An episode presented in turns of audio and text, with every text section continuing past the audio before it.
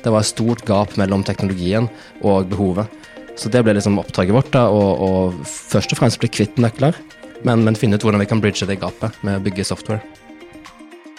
Man bruker ikke veldig mye tid og kapasitet på å drive og google seg etter finnes det et bedre alternativ til nøkler i dag. Sånn, hvem bryr seg om det? Ingen.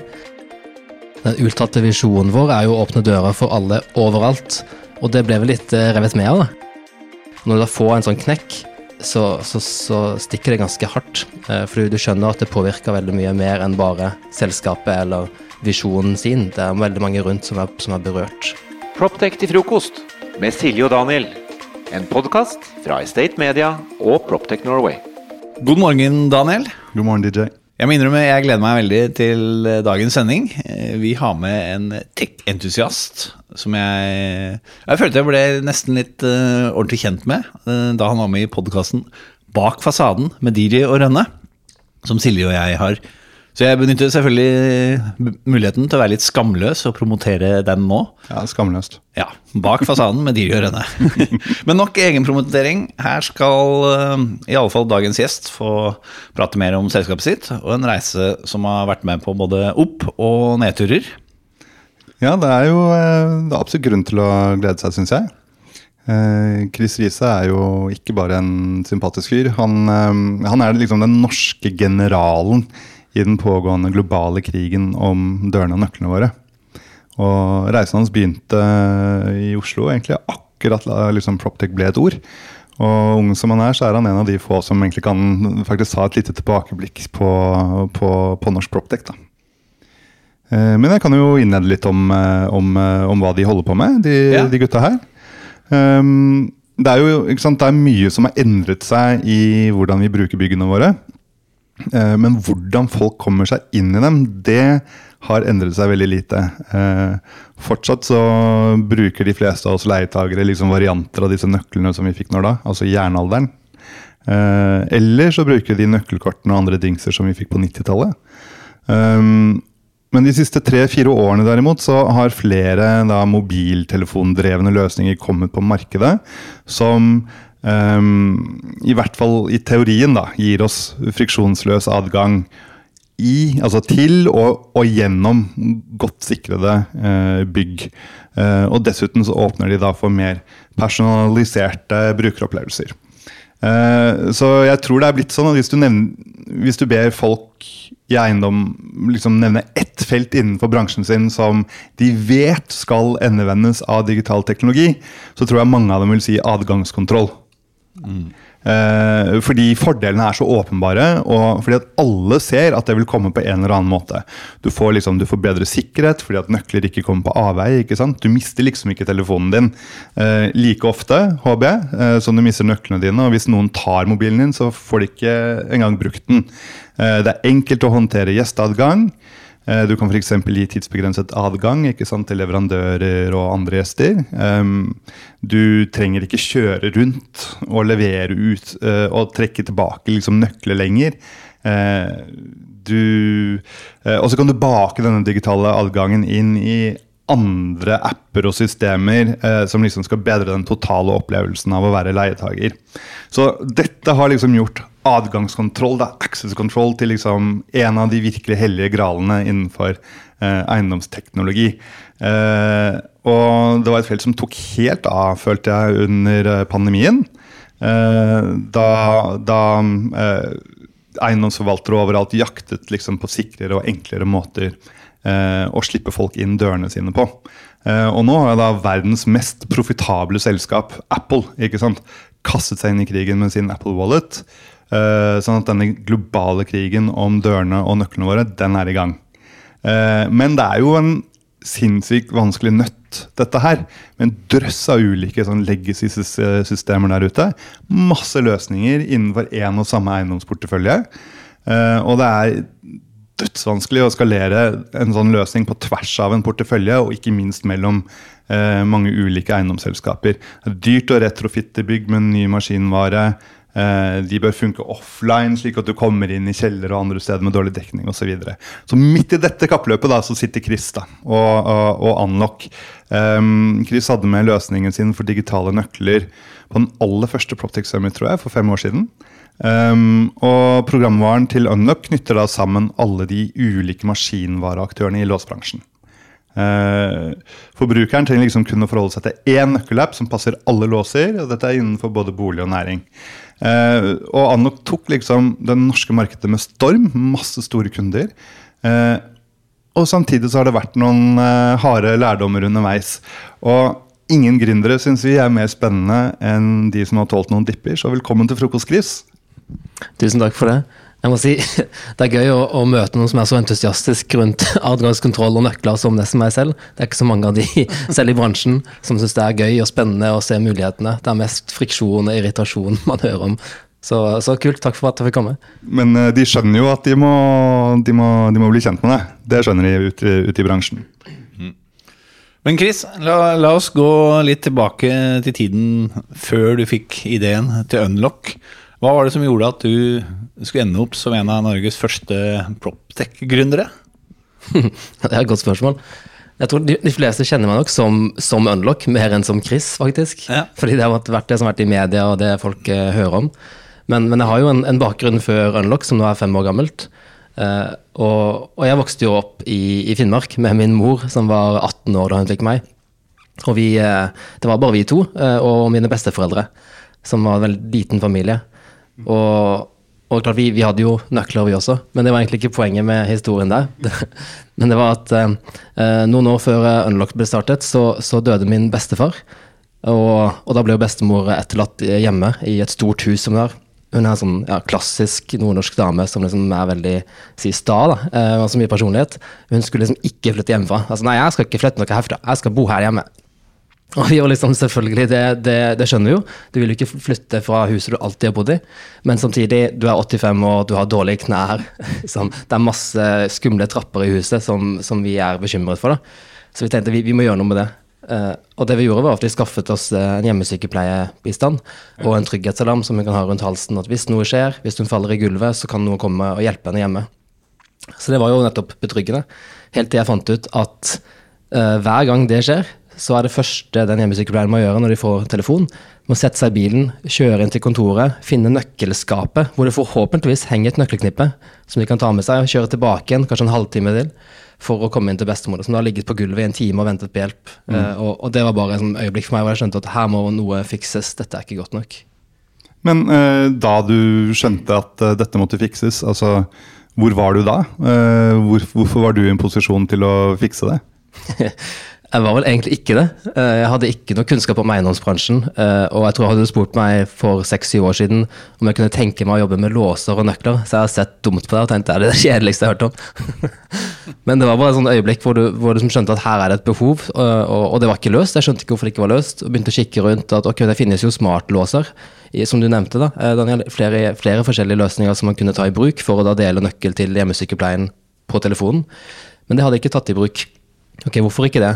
Eh, og så bare egentlig tok et skikkelig dypdykk i den bransjen og for å forstå både eiendomsbransjen, hvorfor ikke det var digitalisert adgang, og ikke minst låsbransjen, hvorfor det var eh, så vanskelig å komme i gang. Altså fragmenterte løsninger og gammeldagse legacy-systemer som gjorde at det var vanskelig for særlig for hjemmesykepleien og kanskje hjemmesykepleierne eh, å, å skjønne hvordan de kan komme i gang. Det var et stort gap mellom teknologien og behovet. Så det ble liksom oppdraget vårt, da, å først og fremst bli kvitt nøkler men, men finne ut hvordan vi kan bridge det gapet med å bygge software. Med Life at Work fra VNI er alle byggtjenester samlet i én løsning. Med én og samme app for alt av adgangskontroll og parkering. Til booking av møterom eller matbestilling kan du som gårdeier ta grep om dine verdier og skape en enkel og sømløs hverdag for dine leietakere. Finn ut mer på veni.no.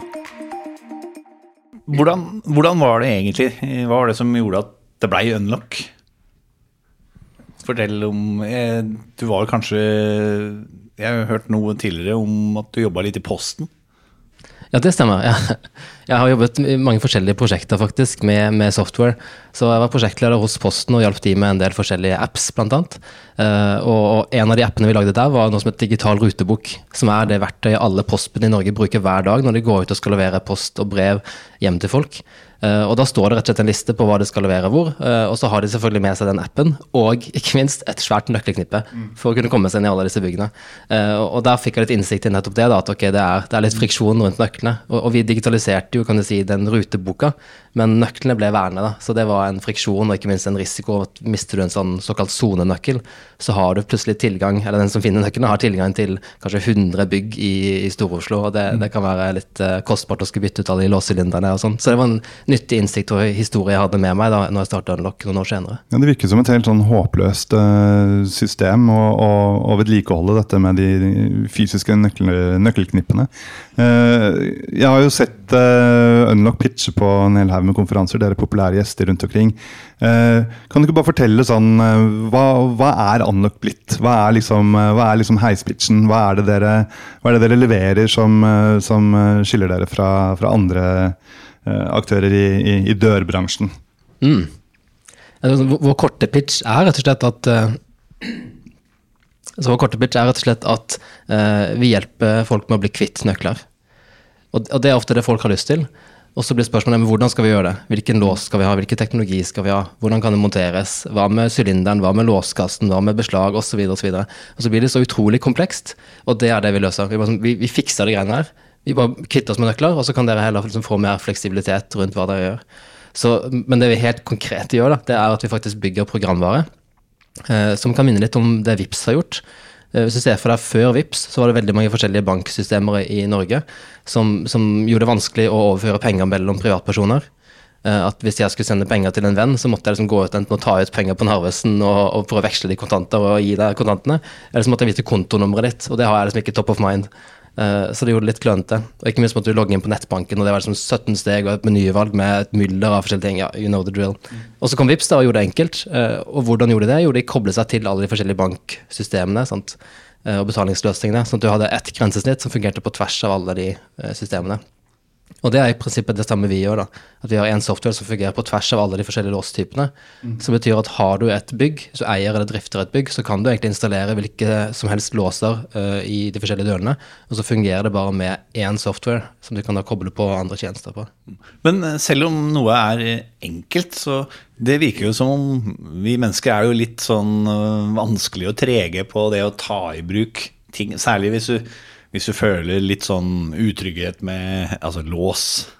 Eh, Du er vant med å låse døra, det er veldig trygt og godt, og så skal noen gjøre noe med Altså, eh, altså hverdagen blir mye enklere, men samtidig er det, er det vanskelig å, å liksom komme over disse bøygene.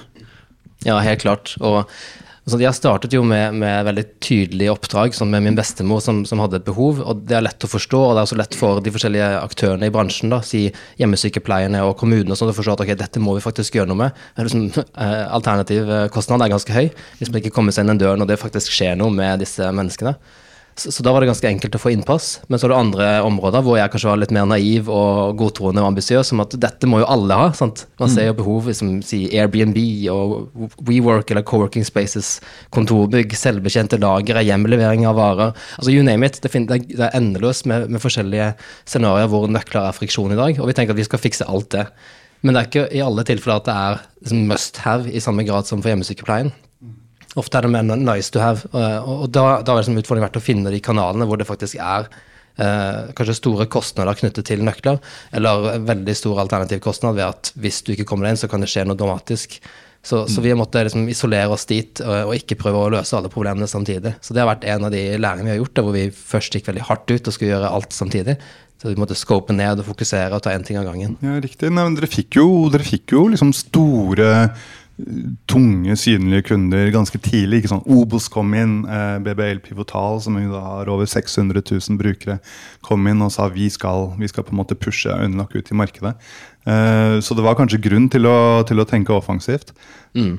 Eh, Men hva var det som, eh, var, det som var liksom den største bøygen når du er og snakker med, med eiendomsforvaltere? Hva, hva, altså hvorfor hvorfor eh, oppleves det ikke som en must have?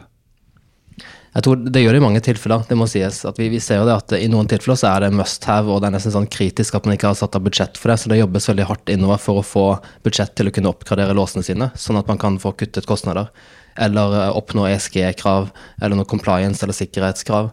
Det, det har blitt mer og mer aktuelt, særlig siste par årene, eh, etter det har skjedd en del ting. Sånn som I England for eksempel, så var det en brann for noen år siden som gjorde at det var eh, helt, eh, helt strenge krav på noe som heter Fire Risk Assessment. At de går inn og faktisk vurderer hva er risikoen for brann i dette bygget. Det må de gjøre så og så hyppig, med en ganske tett frekvens, ofte kvartalsvis. Og så har de en, en frist der for når det må utføres per kvartal. Og Hvis de ikke følger opp det og faktisk går inn og sjekker det, så får de bøter og dårligere scoring på ESG og compliance, som gjør at de får mindre mindre sannsynlighet for å utløse lånebetingelser og slikt. Eh, og, og, det som ofte skjer, er jo selvfølgelig at de, de sender ut disse oppdragene til de som faktisk utfører disse assessmentsene, men de kommer seg ikke alltid inn i bygget, for de har ikke nøkler. De er avhengig av at noen kan slippe de inn. Og hvis ikke noen er tilgjengelige, så går tiden, og så utløper den fristen, og så kanskje de kommer seg inn til slutt, men da får de kanskje gjort et funn, da, så må de følge opp saken neste uke, og da er ingen tilgjengelig. Det er masse friksjon rundt dette her. og klart Når, når eiendomsbesitterne ser det, at folk ikke kommer seg inn, og at det påvirker deres lånebetingelser, da begynner ting å skje top down plutselig. Mm. Så vi har funnet de områdene hvor det er mye mer fokus på det. Men så har du andre kanskje mer nice to have. Sånn, Si at du sitter i et borettslag, og så har du tre-fire private styremedlemmer som ofte kan sånt, være tilgjengelig hvis det kommer en håndverker eller, en, eller, et bud skal komme seg inn døren. Så kan de liksom alltid bare sitte der og ja, vi er nå hjemme uansett, og de er kanskje pensjonerte og har litt tid. Og så sitter det to-tre kanskje unge gründere som meg, da, som er litt mer utålmodige og ikke har tid til å sitte hjemme og vente på en pakke i fem timer. Mm. Som, som, tenker at det må vi bare få fikset. Og da får du en sånn kontrast i et styre og beslutningstakere. Laft tilbyr en fullverdig FDV-løsning som bidrar til enklere og mer effektiv drift både for små og store eiendomsbesittere. Digitaliser den daglige driften, få bedre innsikt og ta bedre beslutninger for porteføljen. Vi leverer moduler for DV, utleie og renhold, i tillegg til en rekke andre tjenester og integrasjoner. Les mer på laft.io. Kan du fortelle litt om eh, holdt på å si, særlig oppstarten, og, og holdt på å si, hvordan du overvant disse hurdlene med å, eh, med å vinne disse kontraktene og få folk til å ta det i bruk? Altså, du brukte et eksempel på et frokostarrangement, Proptech til frokost, eh, som eh, nå nylig var, hvor du prata litt om eh, disse elsparkesyklene, som er veldig lett å bruke, men de må egentlig nesten trøkkes på folk uh, for at de skal bli brukt. Og du skal spre dem overalt. Den, du dro den parallellen litt. Kan du få utdype det litt? Mm, jeg syns det er en interessant parallell å dra, faktisk. Fordi hvis man tenker på all ny teknologi som folk flest ikke vet om at finnes, så, så, hvordan skal du introdusere dem for det hvis de ikke sant, uh, får høre om det på en eller annen måte? Ok, Du kan kanskje markedsføre det, du kan kommunisere, du kan fortelle gode historier, men, men det er ikke noe slik at folk da kaster seg over teknologien og tenker dette må jeg ha. Uh, sånn, iPhone er en tilsvarende teknologi som folk ikke helt skjønte verdien av før de faktisk hadde brukt den. Og da var det sånn ok, ingen vei tilbake. Obviously er smarttelefonen tingen. Men før det så var det helt liksom, det, det er ikke, ser ikke behovet for å ha en smarttelefon. Jeg har jo en, en gammel Nokia, det funker jo den. Uh, og det samme gjelder nok sparkesykler til en viss grad, vil jeg si. At, at før man hadde testet det og sett hvor, hvor, hvor uh, utrolig bekvemt det kan være å bare plukke opp en sparkesykkel, kjøre dit du skal og bare sette den fra deg, det er jo genialt. Men hvis du ikke har prøvd det, så er det vanskelig å forestille seg hvordan det faktisk oppleves i hverdagen. Uh, og det samme gjelder jo helt klart nøkler også. Så Vi har nøklene i dag, vi er vant til det. Vi har alltid hatt nøkler, som du sa, fra liksom oldtidene. Mm. Så, så, vi tenker ikke over nødvendigvis kostnadene, og ikke minst sånn, finnes det alternativer man bruker ikke veldig mye tid og kapasitet på å drive og google seg etter finnes det et bedre alternativ til nøkler i dag. Sånn, hvem bryr seg om det? Ingen. Ja. Sånn, er spesielt interesserte som meg selv, da, som sitter og obsesser og nøler på at det er sånn, dag og natt. Men folk flest, de, de, sånn, vi er vanedyr, og vi tenker ikke noe over det. Så, så utfordringen vår er jo hvordan kan vi introdusere folk for den opplevelsen og slippe å ha nøkler? Og slippe den friksjonen. Sånn at når du først har gjort det, si at du da får en, et eh, få et varsel om at eh, det nå er en hjemlevering fra Post Nord i morgen, og det kommer mellom tre og ti. Ok, det blir en hyggelig opplevelse. Mm. Hvis du sitter da i den opplevelsen versus å slippe den opplevelsen, det er en ganske stor kontrast for veldig mange. Sånn at bare det å få det øyeblikket hvor du innser at å ja, jeg kan faktisk bare dele en nøkkel, like enkelt som å vippse en venn. Mm. Men hvordan klarte dere å få selv sluttbrukerne til å tenne på dette? Det er mye historiefortelling, først og fremst. Uh, og vi har nesten utelukkende organisk vekst. Vi driver ikke med noe markedsføring og reklame av produktet vårt. Vi prøver å finne de situasjonene hvor vi ser at det er mye pain og irritasjon fordi man sitter på nøkler eller ikke kommer seg inn eller ikke kan slippe inn andre. Så vi har bare oppsøkt de casene vi kjente til selv. Hjemmesykepleien er en av de, hjemmelevering er en annen, drift er gjennom, særlig er en stor en. Hvor man sant, har masse både interne og eksterne arbeidere som skal ut og inn av bygg i forskjellige byggeprosesser og oppussingsprosjekter osv. Og, så og vedlikeholdsarbeid. Der er det veldig mange kostnader knyttet til det. Og når man først får noen brukere til å ta det, i bruk, så, så, begynner de også selv å tenke. sant? Dette var jo lett, kanskje jeg kan bruke det i scenario ABC også. Et helt konkret eksempel er jo, er jo en, en, vaktmester jeg husker, i, i London som, som, aldri hadde hørt om dette her før. Og han har jo et sånn gigantisk typisk vaktmesternøkkelknippe som henger på, på siden. Eh, altså 1000 nøkler i bilen sin. Helt vanvittig. Og, og de fleste visste ikke hvor de tilhørte. Det var noe han hadde liggende. Uh, og så viste vi han da selvfølgelig produktet vårt, og, og sa at nå, nå har eieren av bygget har bestemt at det skal innføre det, så du kan ta i bruk det. Og han ble så stor i øya sant? Uh, og skjønte ok, da, da, kan jeg faktisk bytte ut nøklene mine. Jeg kan, jeg kan komme meg når som helst. Og jeg trenger faktisk ikke å dra ut for å slippe inn alle kollegaene mine. Altså Man bare ramse opp alle de ideene. Og så begynner han å snakke om men hjemme også, vi kan jo ha det her, da kan du slippe. Så, altså, du, du får, sånn, når du trigger sånne tanker, det, det syns jeg generelt er gøy, men det har også vært liksom veien vår inn i markedet, og hjelpe folk med å forstå mulighetene i produktet. Mm. Ja, fordi dere, dere fikk jo også ganske kraftig vekst og hadde jo ordentlige vekstambisjoner. Hvor mye er det dere har hentet inn? 100 millioner eller noe sånt? Ja, vi har hentet 88 millioner så langt. Mm. Uh, hva, hva, var liksom ambisjonene? Uh, hvor fort skulle dere vokse? Den uttalte visjonen vår er jo å åpne dører for alle overalt.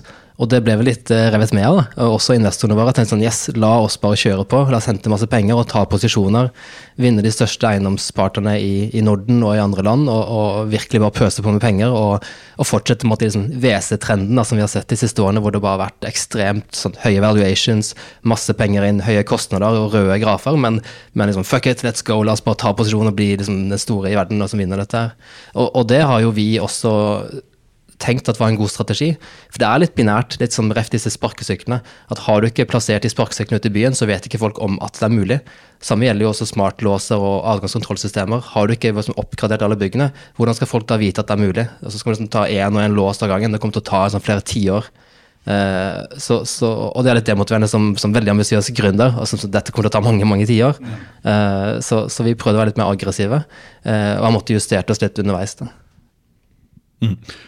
Når dere da har henta penger, eh, regner med det har skjedd i flere omganger, eh, på stigende priser på selskapet ditt òg. Eh, hvordan håndterer du si, balansen mellom det å få inn penger, sånn at dere kan vokse raskt, og at du beholder så stor eierandel som mulig? Jeg regner med du er relativt all in i det her? Det kan du si. Det merkes kanskje også på entusiasmen rundt nøkler, som er et tørt tema, egentlig. Men, eh, men, det er et godt spørsmål, og, og, det er også noe som blir eh, hyppig diskutert i si dette venture capital-miljøet, VC-miljøet. Uh, hvor mye skal gründerne og teamet sitte med for å ha et insentiv til å fortsette å bygge bedriften? Ja. Det er ofte, ofte fall antatt at har gründerne for liten eierandel, så mister de kanskje motivasjonen og drivkraften til å faktisk bygge til noe stort. fordi hvorfor skal du bygge noe for noen andre, rent finansielt? Og det er nok mye psykologi i det. Um, samtidig så, så, merker jeg at vi som team, og kanskje i hvert fall for meg selv, kan jeg snakke at, at liksom, jeg drives mer av det å oppnå den gevinsten vi kan utløse. da. Sånn som at jeg kan hjelpe bestemor og hjemmesykepleierne med å få det bedre. Hvis jeg kan gjøre det på et globalt plan for milliarder av folk. Det, det i seg selv trumfer det å skulle ha noen aksjer eller sånt, å sitte med en større bit av kaken. Det er sekundært. Det er, det er en hygienefaktor å selvfølgelig skulle ha noe igjen for det man, man legger inn, men men, men, det å kunne bidra til noe virkelig, virkelig viktig og meningsfylt, det, det trumfer alt for min del. Men det du kanskje vet uh, mer om enn ganske mange, er jo uh, behovet for å finne riktig fart. Um, det er jo bare Ja, det er jo under et år siden du, uh, snakket om litt ute i, i, i, bransjemediene om at liksom, dere vokser så fort. Dere skulle doble antall ansatte fra 20 til 40 osv. Uh, og så kom det jo en brems i markedet. Eh, jeg lurer litt på hvordan, hvordan var det? Altså, eh, du har snakket om også hvor tett og nært forholdet blir liksom, i en gjeng som er involvert i startup. Så blir jo kompiser. ikke sant? Alle går inn med egne penger. Eh, og du har en lidenskap du kanskje ikke finner andre steder i næringslivet. Eh, og så kom det en situasjon tidligere år da du innså egentlig kanskje at alle ikke kunne være med videre. Fortell hvordan det var. Ja, Det var, det var sjokkerende. Altså I, i uh, Unlock så, så, har vi som du sier uttalt at vi, vi vokser fort, og vi, vi, tenkte å doble ansatte fra 20 til 40 på kort tid, og det gjorde vi.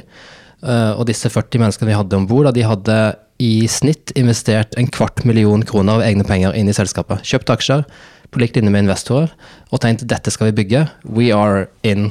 Og så jobber man da kvelder og netter og helger og ferier og er på ballen og, og gir veldig mye av seg selv til det selskapet.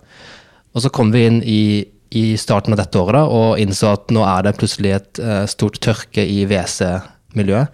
Og denne liksom ekstreme vekstambisjonene med sant, ignorere litt salgstall og tenke vi skal bare vokse og ta posisjoner, den historien fungerte ganske dårlig. Og, og, det var det sjokkerende for oss, for vi hadde liksom reist i fire fire og et halvt år på, på, mer storytelling og visjon, og selvfølgelig hatt veldig gode operasjonelle metrics og brukervekst og vunnet partnere. Men omsetningsvekst var ikke så fokus for oss fram til da. Så skjønte vi at det må vi endre på. Vi måtte kutte kostnader, som betyr at vi måtte nesten halvere teamet. Uh, og, og, og, teamet, sant? det er jo da, som du er innom, det er jo folk man har jobbet med dag og natt i, sant, i flere år. Og de har investert mye av pengene sine. og du, Man kjenner til historier hvor, hvor, hvor, ansatte har refinansiert huslånet, fått masse motstand hjemmefra sant, på, for partneren som, som, tenker er det der trygt, da? Eh, og, og, de tenker ja, men det, det skal vi få til. De, de, stoler på meg, sant? de stoler på teamet og de stoler på visjonen og investorene. Og når du da får en sånn knekk, så, så, så, stikker det ganske hardt. Eh, for du skjønner at det påvirker veldig mye mer enn bare selskapet eller visjonen sin. Det er veldig mange rundt som er, som er berørt.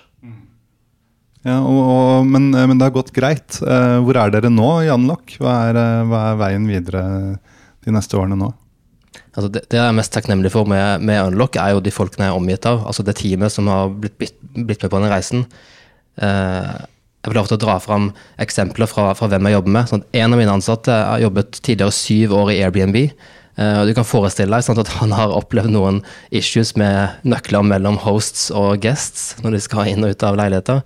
Så, sånn, så, så, så han og hele teamet de, de forstår uh, problemet vi prøver å løse. De forstår viktigheten av det, og ikke minst kostnader hvis det ikke blir løst.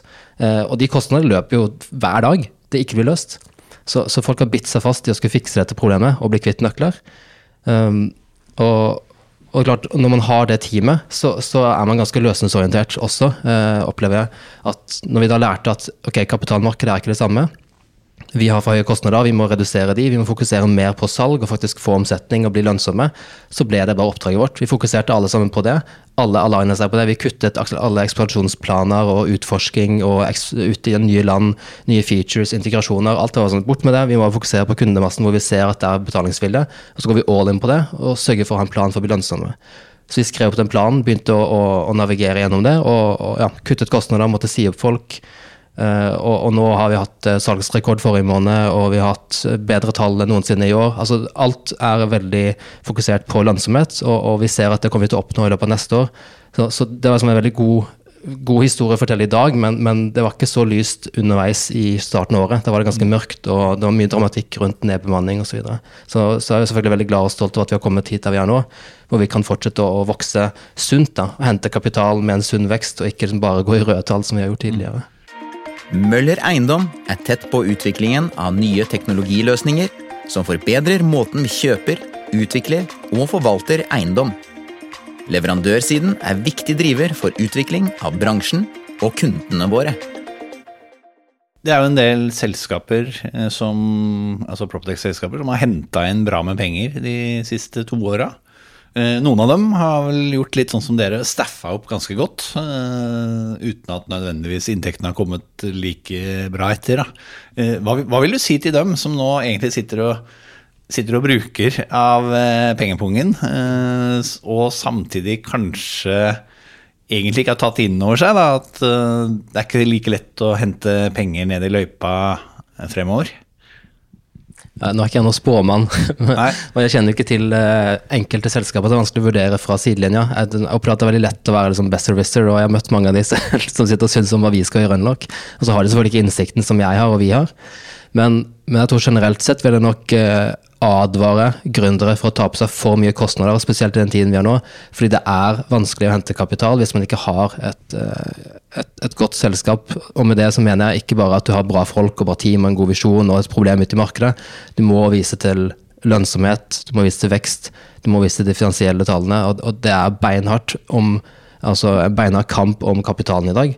Eh, så, så det er med sånn, jeg, vil, vil være veldig forsiktig med å ta på meg for mye kostnader i dag. Heller prøve å bygge noe lønnsomt så man kan vokse gjennom den si, krisen vi står i nå. Eh, og, og så kommer det selvfølgelig til å være mye mer eh, aggressive, opportunistiske investorer i årene som kommer. Men jeg vil ikke lent meg på at de kommer til å backe oss neste måned eller neste kvartal. Jeg, jeg, tror det er litt, litt, for høy risiko. Og, I hvert fall som, som det var innom, det, For meg så er Unlock et all in bet. Jeg har investert alt alt jeg har de siste årene på dette. her, Og det å skulle da lene det på et håp om at investorene skulle hjelpe meg liksom, ugrunnet med masse, masse, kostnader, og bære de for meg, det, det høres ikke smart ut. Så du skal være herre over din egen skjebne? det kan du si. Men da er jo egentlig Eh, det var jo en gang eh, Jeg tror det var Skifter som skrev om eh, da en av den største og viktigste kunden ga beskjed om at de skulle bare stoppe alt. Legge ned alle innovasjonsprosjektene. Fortell om det. Og det er jo apropos sånn ikke være herre over egen skjebne.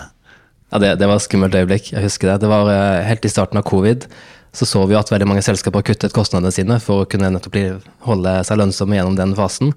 Uh, og vi var jo sånt startup da, som vi fremdeles til en viss grad er. Og vi hadde særlig én kunde som, som var liksom vår største account, hvor vi lente oss veldig på at de skulle vokse videre. Uh, og plutselig så fikk jeg en telefon fra han som var vår beslutningstaker der. Og han sa at Chris, nå, nå må vi legge ned alle innovasjonsprosjektene våre. Og jeg kjente bare, Da, da, da fikk pulsen opp i taket, og pusten stoppa. Nå, nå, liksom, hva, hva, gjør vi nå hvis vi mister den, den, den, største inntektskilden vi har? Og vi skulle også ut og hente kapital like etter. så Hvis investorene hører at nå forsvinner liksom, vi får liksom, vår, første churn, første kunde som ville si opp eh, kontrakten, og er den største kunden, da tenkte jeg ok, nå, nå, nå kommer vi til å slite. Uh, og så er det en morsom fyr, da, han, han, uh, han som ringte meg. Så sa han men Unntaket er unlocked. Det er sånn, så han er sånn twist på det. Og den lettelsen i kroppen da. altså det er ubeskrivelig. Um, men det, det han poengterte, var liksom at, at, de hadde klokketro på det de gjorde sammen med oss, for de jobbet så tett sammen. Og det var jo en sånn forsterkende følelse i seg selv. Uh, og bare høre at ok, de tror faktisk så mye på det at de hadde lyst til å øke investeringen på det ene innovasjonsprosjektet med oss, men legge ned alle de andre. Så det var en fantastisk historie, men, men et øyeblikk der så trodde jeg at jeg skulle altså, besvime. Men du skjønte kanskje hvor sårbart uh, rigget ditt var, da? Nettopp, og det er jo et godt poeng. I, i, sånn, I, ettertid så har jeg vurdert ok, burde man satse alt på, sant, på, uh, på en, et bein, da, la oss si. Uh, Altså til viss grad så har du ikke noe valg som startup. sånn at Du må bare kjøre på, og så får du en kunde, og så må du prøve å bygge opp den accounten til å bli veldig verdifull, og så får du ta det derfra. Mm. Uh, vi har nok kanskje gjort det sånn i ettertid uh, litt for lenge. Uh, og hadde vi mistet den, den, kontoen, så hadde vi slitt skikkelig. Mm. Mm. og det er jo noe av, noe av veldig mye da, som man tar med seg underveis i, i det å bygge selskapet. Mm. Og bare forstå den type risiko og klare å sant, gjenkjenne de mønstrene når man står i det neste gang osv. Så, videre. så det det var en, en, en, god ting for oss å få en litt sånn si, en prank call fra en av kundene våre. ja. Men hvor, hvor, ligger dere nå, og hva er veien videre? Jeg var litt innom det med at nå har vi fokusert beinhardt på å bli lønnsomme. Eh, og vi har en plan for det, og vi ser at tallene også backer opp. Så, så, vi blir lønnsomme neste år, og så kommer vi til å fortsette selvfølgelig å bygge videre. Det er ikke sant Visjonen har endret seg. Vi skal fremdeles åpne dører for alle overalt på hele verden. Eh, men vi må fokusere veldig på der vi ser at det er betalingsvilje, og så navigere litt kanskje smartere enn vi har gjort tidligere. Eh, og, og vi kommer også til å hente mer kapital, ganske mye kapital de neste årene. Eh, vi kommer faktisk til å allerede nå i år invitere inn noen til å bli med på en liten sånn en, en, eksklusiv runde da, for å være med før vi skalerer globalt. Mm. Uh, noe vi har lyst til å Ja, vi kommer til å annonsere det veldig snart, så håper at det blir litt oppmerksomhet rundt det. Ja, kom til oss først, da. Uh, uh, det er jo spennende det som skjer nå. altså Når, når de store internasjonale tech-gigantene går inn på et felt, da skjønner du at det har noe for seg. Uh, og, og, krigen om adgangskontroll koker ned til ett spørsmål, egentlig, og det er jo hvem kontrollerer dingsen som kontrollerer låsen vår. Uh, og når Apple da har uh, annonsert, eller lansert sin nøkkelløsning i, i, i, Apple Wallet, så lurer man jo på hvordan blir ståa i denne krigen framover. Er er det Apple gjør en såkalt category killer for adgangskontroll, eller tror du kampen er mye mer åpen enn det? Nå er jeg igjen ikke noe spåmann, men, men, eh, den bransjen her kjenner vi ganske godt. Uh, og, og, denne kampen om døra er jo høyaktuell, som du er innom. Det er veldig mange aktører som ser at der er det en sterk posisjon man kan ta. Uh, fordi folk skjønner greia. Sant? Det er såpass enkelt. Man forstår nøkkelen på telefonen. Ok, det gir mening. Telefonen har jeg alltid med meg. Nøkkelen er litt sånn hassle å ha med seg, og, og så kan man bygge på de historiene. Apple har jo gjort et inntog eh, kanskje mest markant nå nylig i år, men også mange år tidligere. Sakte, men sikkert gått inn på forskjellige områder og skulle hjulpet hotellkjeden med å skulle effektivisere sånn at gjesten skal inn til rommet sitt.